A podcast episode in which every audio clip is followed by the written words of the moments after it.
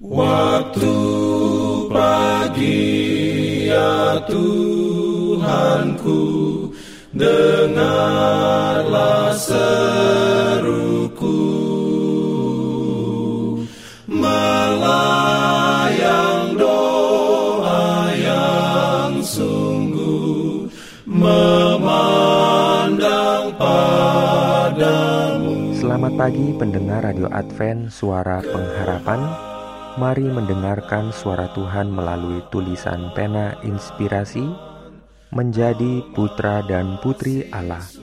Renungan harian 20 Oktober dengan judul Hidup kita disembunyikan bersama Kristus dalam Allah melalui baptisan.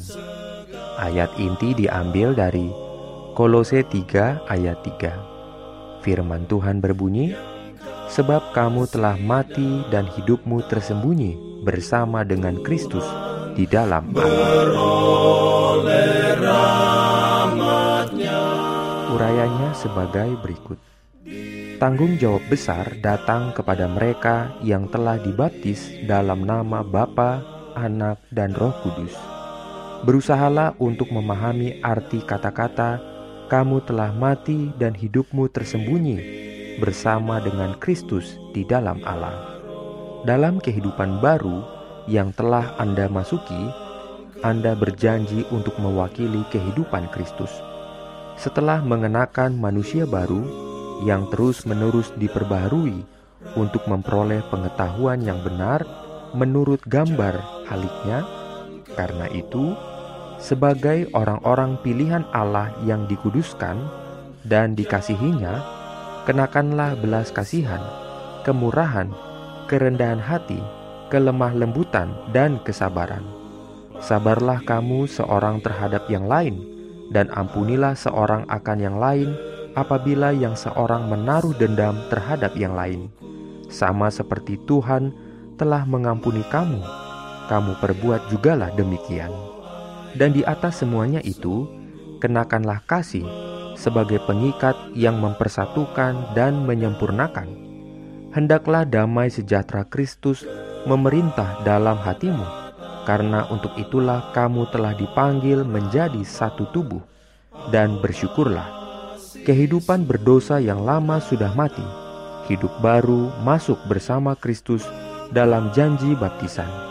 Latihlah kebaikan karakter juru selamat Biarkan kebijaksanaannya yang memiliki semua kebijaksanaan tinggal di dalam Anda, mengajar dan menegur seorang akan yang lain, dan sambil menyanyikan mazmur dan puji-pujian dan nyanyian rohani, kamu mengucap syukur kepada Allah di dalam hatimu.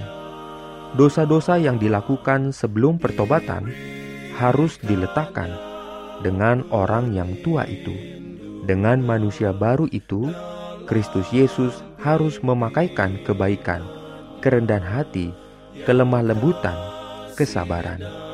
Mereka yang ada dalam roh dan kasih Yesus akan menjadi satu dengannya, akan berada dalam persekutuan yang erat satu sama lain, diikat oleh tali kasih sutra. Anda semua adalah bersaudara, akan menjadi sifat dari setiap orang beriman semua akan sama-sama satu dengan Kristus. Amin. Pimpin aku ya roh Allah dalam kebenaran. Jangan lupa untuk melanjutkan bacaan Alkitab sedunia. Percayalah kepada nabi-nabinya yang untuk hari ini melanjutkan dari buku Filipi pasal 1. Selamat beraktivitas hari ini. Tuhan memberkati kita semua.